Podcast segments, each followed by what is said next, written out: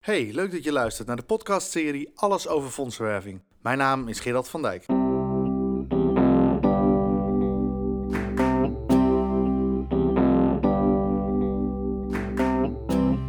Je luistert naar een podcast van Krantio Fondsenwerving.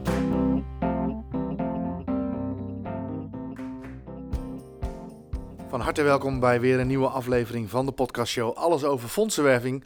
Leuk dat je luistert. Ik krijg veel reacties binnen op mijn uh, podcast. En uh, als jij nou ook een reactie wilt geven, misschien heb je een vraag of misschien heb je een opmerking, dan kan je me gerust even een mailtje sturen naar podcast.grantiu.nl. En vind je deze podcastshow nou leuk? Laat dan even een uh, waardering achter in de app die je gebruikt. In deze aflevering gaan we het opnieuw hebben over werven bij vermogensfondsen. En dit is een ja, onderwerp wat veel goede doelen aangaat en waar ik ook veel vragen over krijg. Ik heb al een eerdere uitzending hierover opgenomen. Als je die nog niet hebt geluisterd, dan geef ik je de tip om die eerst even te luisteren. Daar zit veel uh, basisinformatie in. En in deze aflevering wil ik wat meer de diepte met je ingaan. Dus als je die aflevering nog niet hebt geluisterd, uh, luister die dan eerst. En anders dan uh, kun je gerust verder gaan met het luisteren van deze aflevering.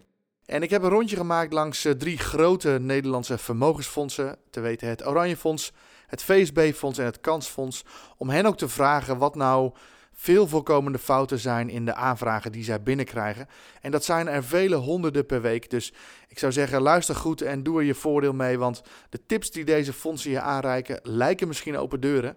Maar in heel vaak van de gevallen gaat het toch mis. En als jouw aanvraag daardoor wordt afgekeurd, dat zou heel jammer zijn. En op deze manier, met deze tips, kun je dus de scoringskans van jouw aanvraag vergroten en daarmee ook uh, je sociale missie omzetten in resultaat. De vermogensfondsen in Nederland, daar zijn er ongeveer 1250 van. Uh, ik zeg ongeveer, omdat niet elk fonds zich ook officieel gemeld heeft. En als je het fondsenboek hebt, dan kun je ze daar uh, bijna allemaal in vinden. Heb je het fondsenboek nog niet, dan geef ik je de tip om die aan te schaffen. Kost 50 euro, is te koop via bol.com of managementboek.nl. En daar staat een overzicht in van welke fondsen er zijn, welke doelstellingen zij hebben, welke bedragen, hoe je moet aanvragen, etc. Dus doe jezelf een plezier en investeer 50 euro. Die verdien je dubbel en dwars weer terug. Die ongeveer 1250 vermogensfondsen in Nederland, die financieren ongeveer 1,3 miljard euro per jaar. En dat is dus ongeveer een kleine derde van wat er totaal in Nederland per jaar wordt gegeven namelijk ongeveer 4,3 miljard. Dus dat is een groot deel wat zij voor hun rekening nemen, wat er in uh, Nederland jaarlijks aan maatschappelijke projecten wordt gefinancierd. Nou, van die 1,3 miljard wordt er 40% ongeveer geïnvesteerd in lokale en regionale projecten. 40% in landelijke projecten en 20% in projecten buiten Nederland. Dus 80% van die 1,3 miljard wordt in Nederland uitgegeven. Nou, dat is goed nieuws voor jou als jouw project ook in Nederland uh, is. Als je ook je project in Nederland uitvoert. Mocht je buiten Nederland uh, jouw project hebben, niet getreurd, 20% van die 1,3 miljard gaat nog steeds richting het buitenland. En de top 5 van de aandachtsgebieden van de fondsen zijn uh, maatschappelijk welzijn. Er zijn 423 fondsen die zich daarmee bezighouden. Op de tweede plaats cultuur met 286 fondsen. Onderwijs zijn 210 fondsen voor gezondheidszorg 206 en ontwikkelingssamenwerking 128. Nou, als je deze bij elkaar optelt, dan zul je zien dat je op een ander aantal uitkomt. En dat klopt omdat er fondsen zijn die in meerdere doelgebieden actief zijn. Nou, als je gaat kijken naar het type fondsen in Nederland, dan is een van de grotere vormen is een zuiver vermogensfonds. Daar zijn er ongeveer 500 van in Nederland. Zij investeren ongeveer 210 miljoen euro per jaar. En uh, zij hebben inkomsten uit hun bronvermogen of een structurele inkomstenbron. En ze doen niet aan actieve fondsenwerving. En ik noemde het net al, het VSB-fonds is daar een voorbeeld van. Je hebt ook vermogensfondsen in brede zin. Daar zijn er ongeveer 200 van. Zij investeren 175 miljoen euro per jaar. Zij hebben dus een bronvermogen en structurele inkomsten, maar ook giften en donaties. Ze doen dat niet in een actieve vorm, maar ze krijgen ze wel binnen. En een voorbeeld daarvan is bijvoorbeeld het Anton Jurgensfonds. Hybride fondsen, daar zijn er ongeveer 150 van in Nederland. Zij investeren ongeveer 310 miljoen euro per jaar. Zij hebben een bronvermogen, structurele inkomsten, maar doen ook aan actieve fondsenwerving. Bijvoorbeeld het Oranje Fonds, een van de grootste Nederlandse bekende fondsen, waar je ook donateur van kunt worden. Daarnaast zijn er ook bedrijfsfondsen en die zijn wel interessant om even apart uit te lichten. Daar zijn er ongeveer 75 van in Nederland. Zij investeren ongeveer 170 miljoen per jaar. En de inkomsten komen uit het bedrijf. En de projecten die zij ondersteunen zijn vaak gelinkt aan de uh, bedrijfsactiviteiten. Soms ook in combinatie met de actieve betrokkenheid van het personeel. En zij doen niet aan fondsenwerving, want zij hebben gewoon hun inkomsten uit een bedrijfsmodel. En een goed voorbeeld hiervan is bijvoorbeeld de IKEA Foundation. Dus heb je te maken met een bedrijfsfonds, realiseer je dan goed dat de projecten veelal gerelateerd zijn aan de bedrijfsactiviteiten en kijk of dat je daarmee kan aanhaken. Dan heb je ook natuurlijk nog familiefondsen. Daar zijn er ongeveer 150 van in Nederland. En het zeggenschap daarvan ligt meestal voor 100% binnen de familie. Soms in combinatie met een externe beheerder. En zij doen niet aan actieve fondsenwerving. En een voorbeeld daarvan is bijvoorbeeld de Turing Foundation. Is eh, gestart door een van de oprichters van TomTom. En het vermogen uit de verkoop van TomTom is voor een deel in de Turing Foundation uh, gestoken. Nou, heb je ook het uh, fonds op naam. Daarvan zijn er ongeveer uh, 890 in Nederland. En wat zij per jaar financieren is niet helemaal bekend. Bij een fonds op naam wordt het eigen vermogen vaak ondergebracht bij een bestaand fonds of stichting maar dan wel met een specifieke gedefinieerde doelstelling. Een pakkend voorbeeld daarvan is bijvoorbeeld het Frederik en Robert-Jan van Zijtveld Fonds. Dat zijn twee uh, jonge mensen die helaas in de ramp met MH17 zijn omgekomen. En hun vader heeft een uh, fonds op naam van hen uh, opgericht. Met als doel om hun namen niet te vergeten, maar ook om mensen in soortgelijke situaties bij te staan. Dan hebben we natuurlijk ook nog de loterijfondsen. En er zijn er acht van in Nederland. En dat wordt vanuit drie organisaties ondersteund. Zij financieren ongeveer 225 miljoen per jaar. Dus dat is een groot fonds. De doelstellingen per loterijfonds zijn uh, per periode ook soms verschillend. En de inkomsten komen uit de verkoop van loten. In de eerste aflevering van Werven bij Vermogensfondsen hebben we het al gehad over dat je begint met het selecteren van de juiste fondsen. Wil je daar nog wat meer over weten, luister die aflevering dan nog even terug. Waar ik het hier nog even wil hebben is over de tips van het Kansfonds en het VSB-fonds daarbij. Het Kansfonds zegt, ga als het even kan een relatie aan met het betreffende fonds. Mensen die bij fondsen werken geven je over het algemeen graag advies en willen ook graag weten wat je wil bereiken en hoe je dat wil gaan bereiken. Een heel aantal jaar terug waren de meeste fondsen een soort vestingen. En je deed je aanvraag als het ware in een fles en die gooide je hoog over de muur heen. En na een tijdje kwam er een briefje uh, onder de poort door met ja of nee. En dat waren vrij gesloten systemen, want de fondsen waren ook een beetje bang als we persoonlijk daarover gaan communiceren. Dan levert dat misschien discussie op. Of denken mensen dat hun aanvraag al gehonoreerd is, omdat ze misschien een positief gevoel aan het gesprek hebben overgehouden, et cetera. Dus jarenlang waren dat een soort uh, vestingen, uh, vrij gesloten. Alleen dat is aan het veranderen. Fondsen krijgen ontzettend veel aanvragen en zien ook dat het verwerken van al die aanvragen heel veel tijd en energie kost. Dus zij treden nu meer naar buiten. Zij zoeken het contact. Zij willen graag weten wie je bent en hoe je je project wil gaan uh, uh, financieren en van de grond wil trekken. En geef je daar ook graag advies en tips bij, omdat uiteindelijk deze fondsen ook natuurlijk heel graag willen dat er een maatschappelijk rendement op hun investering plaatsvindt. En ze hebben natuurlijk in het verleden ook vaak gezien dat er projecten uh, ja, met een matig of slecht resultaat ten einde kwamen. Nou, dat is natuurlijk ook voor die fondsen niet uh, de bedoeling. Daarvoor zijn ze niet opgericht. Dus de fondsen treden wat meer naar buiten toe. En denk niet, ik heb dat, die gedachte meerdere keren bij mensen gehoord. Denk niet, als ik contact zoek met iemand en een aanvraag voorleg die niet direct wordt goedgekeurd, dan is mijn kans verkeken. Die, die beeldvorming kom ik regelmatig tegen bij mensen. Dat is niet zo. Je kunt altijd de vraag stellen: wat zou ik moeten veranderen? Of wat zou ik beter kunnen doen? Of wat, uh, wat zou ervoor kunnen zorgen dat uh, dit project beter aansluit bij de doelstellingen van uw fonds? En heel vaak zul je daar een inhoudelijk antwoord op krijgen. Dus investeer de tijd, zeker als het om grote aanvragen gaat, om contact te zoeken met de fondsen. Zeker de grote landelijke fondsen.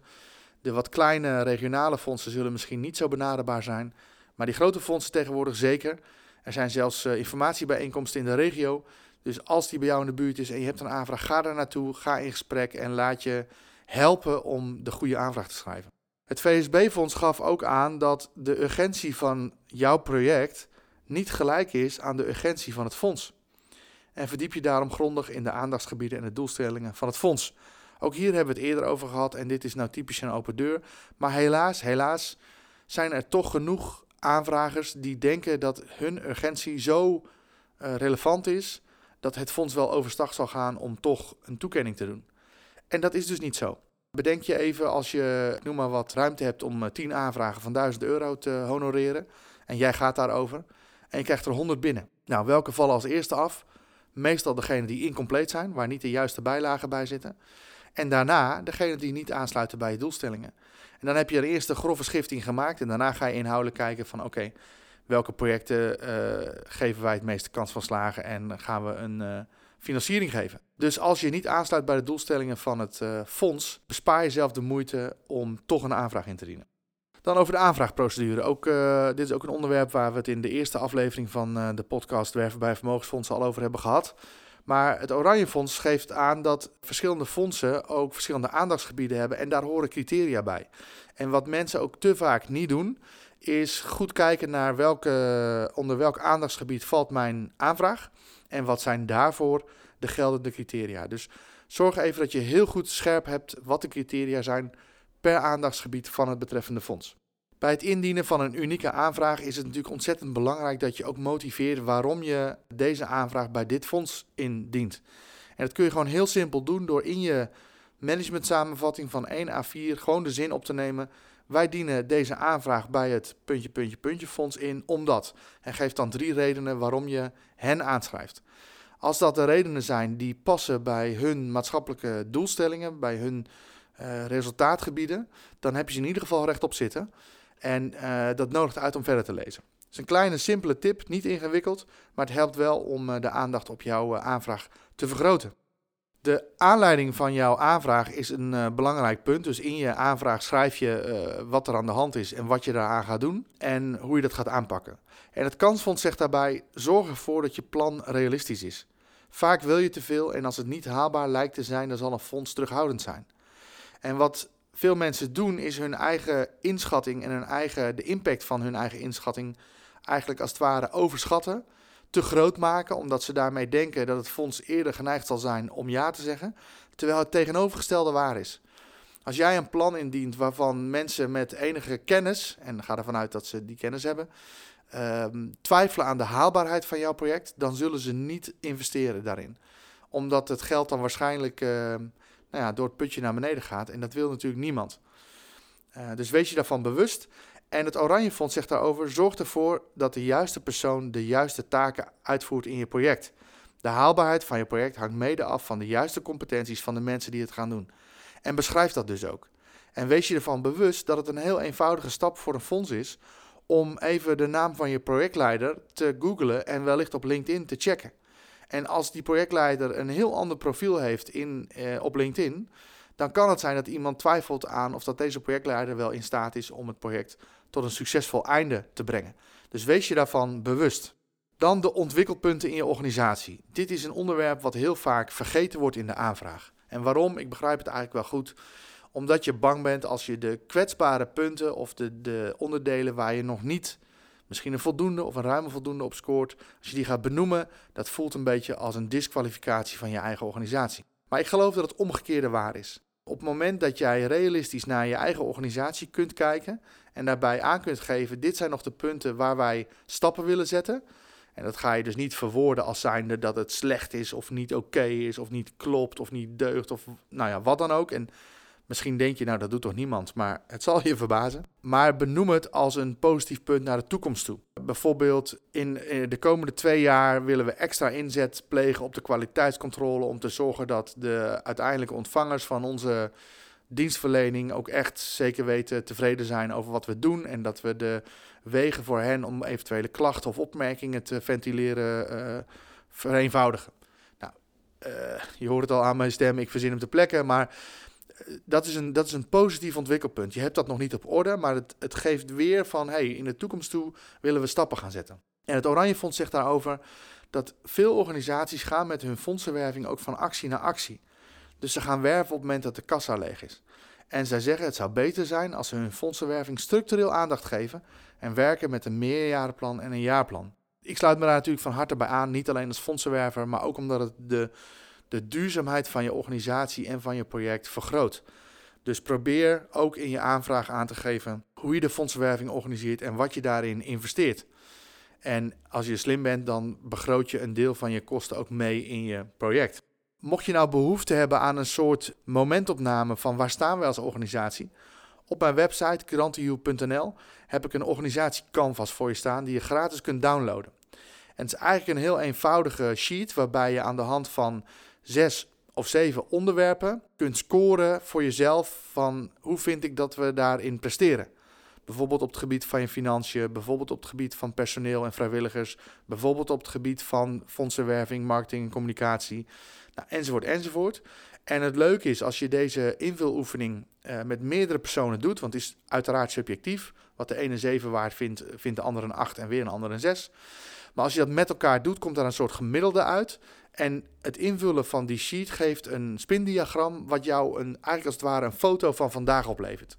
Waarin je kan zien van oké, uh, van, onze, van de mensen die hem hebben ingevuld, vindt 80% dat het vrijwilligersmanagement uh, nog een onvoldoende is. Nou, dat zou dus een ontwikkelpunt voor jouw organisatie kunnen zijn. En het leuke is, als je dat over een half jaar of over een jaar weer doet, dan zul je zien dat op een, op een aantal uh, terreinen de score omhoog is gegaan. Dat je dus verbeterd bent. En dat is vaak heel moeilijk meetbaar. Dus als ik kijk naar een aantal organisaties waar ik de afgelopen tijd voor gewerkt heb, dan is het heel moeilijk om aan te duiden van waar stonden we nou een jaar geleden, waar stonden we twee jaar geleden en wat hebben we daarin bereikt. Soms in exacte aantallen lukt dat wel. Dus als er een personeelsuitbreiding is geweest of uh, een, een, nieuwe locatie of wat dan ook, dat is vrij feitelijk en vrij makkelijk. Maar de, op de wat meer zachtere doelstellingen, zoals je naastbekendheid en uh, de inzet van je vrijwilligers, et cetera, is dat lastig te meten. Nou, en daar kun je het organisatie Canvas voor gebruiken. Je mag hem gratis downloaden van de website. Ik heb er ook een podcast over opgenomen als je daar wat hulp bij kunt gebruiken. Dus heel veel succes daarmee. Wat ook een interessante uh, hulpmiddel is om de kwaliteit van jouw aanvraag te vergroten, is vooraf een aantal tegenwerpingen te gaan bedenken. En ik moet daarbij altijd denken aan die twee mannetjes van de Muppet Show. Je kent ze misschien wel, Waldorf en Stettler. Uh, die na elke voorstelling altijd wel iets te mopperen of te klagen hebben. Nou, misschien ken je die mensen ook in je eigen omgeving wel, in je eigen organisatie of net daarbuiten. En vaak word je niet zo enthousiast van dit soort mensen. Maar er zit een kracht in, uh, in wat zij doen of hoe zij kijken. Het feit dat ze niet meteen enthousiast zijn, dat helpt jou om goed en kritisch naar je aanvraag te kijken. Want reken maar dat de, de beoordelaar van een fonds jouw aanvraag ook kritisch zal bekijken. En het is altijd prettiger dat iemand intern een paar gaten in je aanvraag schiet, zodat je het nog kunt repareren voordat je hem verstuurt, dan wanneer dat door iemand van het fonds gebeurt. Want je krijgt niet altijd een tweede kans. Dus nodig mensen uit om kritisch te zijn. Daag mensen uit om de gaten in jouw boot te ontdekken voordat je schip gaat zinken. Uh, zodat je ze kunt repareren. En complimenteer ze ook als ze kritische punten hebben gevonden. En ga niet in de verdediging. Ja, nee, maar dat, dat hebben we nog niet. Of ja, nee, maar we bedoelen dat wel zo. Of ja, maar dat staat er toch. Want nou, blijkbaar heeft iemand het niet gelezen of niet, is het niet goed overgekomen. Nodig mensen uit om kritisch te zijn. Bedank ze voor hun input. En wees niet eigenwijs. Verwerk het in je aanvraag. Want je hebt maar één doel en dat is jouw project van de grond krijgen. En daarvoor is deze aanvraag en goedkeuring van deze aanvraag nodig. Dus alles en iedereen die daar een bijdrage aan levert, zelfs in een misschien voor jou negatieve vorm, is daarbij van harte welkom. Het Oranje Fonds uh, geeft nog aan over de rapportage. Uh, ga eens in overleg met het fonds wanneer het lijkt of blijkt dat je een doelstelling niet of gedeeltelijk niet kunt waarmaken. Want in overleg is er vaak veel meer mogelijk dat je denkt. Nou, ook hier is er een natuurlijke beweging van veel organisaties dat ze, als ze het niet lijken te halen, zo lang mogelijk blijven doorduwen om te kijken of dat ze misschien toch niet halen. Soms tegen beter weten in. En als het dan eenmaal de deadline uh, fors gepasseerd is, ja, dan kun je niet meer in overleg uh, treden, want dan is het gedaan. Maar stel je voor, je zit in het laatste kwartaal van een jaar en je ziet in oktober dat het misschien wel eens zou kunnen zijn dat. Ga dan eens overleg en zeg: hey, best fonds, uh, een aantal dingen is anders gelopen dan dat we hadden verwacht. En dat zou invloed kunnen hebben op ons eindresultaat. Hoe kijken jullie daarnaar en hoe zouden, wat vinden jullie ervan? En misschien zegt een fonds wel van: joh, als het vierde kwartaal niet lukt, maar het eerste kwartaal van het nieuwjaar is het ons ook goed. Nou, hartstikke mooi. Dan hoef je niet uh, terug te betalen. Want terugbetalen komt in mijn woordenboeken van fondsenwerving eigenlijk niet of nauwelijks voor. Als het echt, echt moet, dan doe je het. Maar liever niet, want we hebben met veel pijn en moeite hebben ook dat geld binnengehaald. En het kansfonds zegt daarbij ook plan tijd in voor het verzamelen van de juiste informatie en het schrijven van je rapportage. Dat is minstens zo belangrijk als het schrijven van je aanvraag.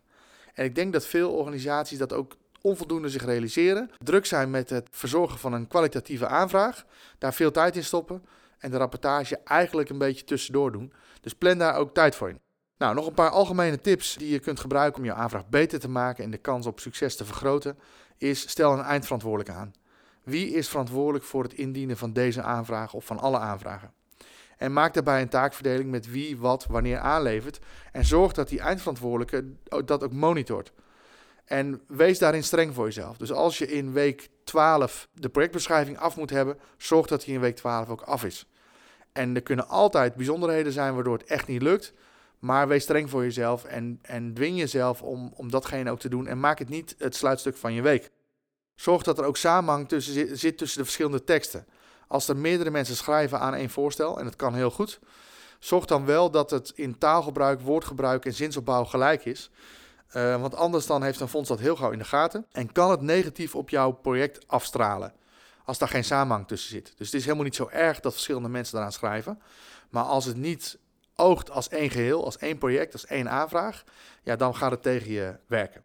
Mocht je een afwijzing krijgen, ga dan altijd in contact met het fonds om te informeren waarom. Dat is niet altijd even duidelijk en van je fouten leer je vaak het meest. Althans, als ik terugkijk in mijn leven, dan heb ik het meest geleerd van de fouten die ik heb gemaakt. Dat is altijd pijnlijk, maar als je bereid bent om ervan te leren, dan groei je daardoor. Dus als jij nou weet waarom het Oranje Fonds of het Kansfonds of het VSB Fonds of noem een ander fonds maar op jouw aanvraag heeft afgekeurd, wellicht kan je het de volgende keer beter doen. En ook hier geldt, ga niet in de verdediging. Meestal is het besluit al genomen. Maar incasseer de informatie en uh, buig het om naar de kwaliteit van je volgende aanvraag. Tenzij, en er is één tenzij, stel je voor dat een fonds echt heel uh, overduidelijk een, een essentieel punt van jouw aanvraag niet goed begrepen heeft of anders heeft geïnterpreteerd, dan kun je uh, met enige terughoudendheid vragen: hey, ik signaleer dat wij dit punt niet op de goede manier naar voren hebben gebracht. Want het is niet zoals u het heeft geïnterpreteerd. En dat ligt waarschijnlijk aan ons en hoe we het geschreven hebben. Is er een mogelijkheid dat we dat opnieuw schrijven en dan alsnog indienen? En wees daarin terughoudend, want als fondsen het gevoel krijgen dat je, dat je toch weer probeert om je voet tussen de deur te krijgen, dan zullen ze gauw nee zeggen. Maar als je zegt, hé, hey, maar dit is echt een essentieel punt wat wij blijkbaar niet goed verwoord hebben, en je legt de fouten bij jezelf, is er een mogelijkheid dat? Nou, misschien heb je dan geluk en kun je nog alsnog een keer uh, indienen. Ik hoop dat deze aanvullende tips, bovenop de tips die ik al in de eerste aflevering heb gegeven, jou helpen om een goede aanvraag te schrijven. Ik wens je heel veel succes. En mocht je meer willen weten over het indienen van een aanvraag bij vermogensfondsen, volg dan ook de e-learning over dit onderwerp. Die vind je op de website grantiu.nl. Aan de linkerkant staat e-learning. Staan allerlei afleveringen waarin ik in een persoonlijke videotraining jou help om een goede aanvraag te schrijven. En er zit ook een concept aanvraag bij. Dus als je zegt ik heb daar hulp bij nodig, misschien is die e-learning dan wat voor jou. Ontzettend bedankt voor het luisteren. Ik wens je heel veel succes en plezier met je fondsenwerving. En graag tot de volgende keer.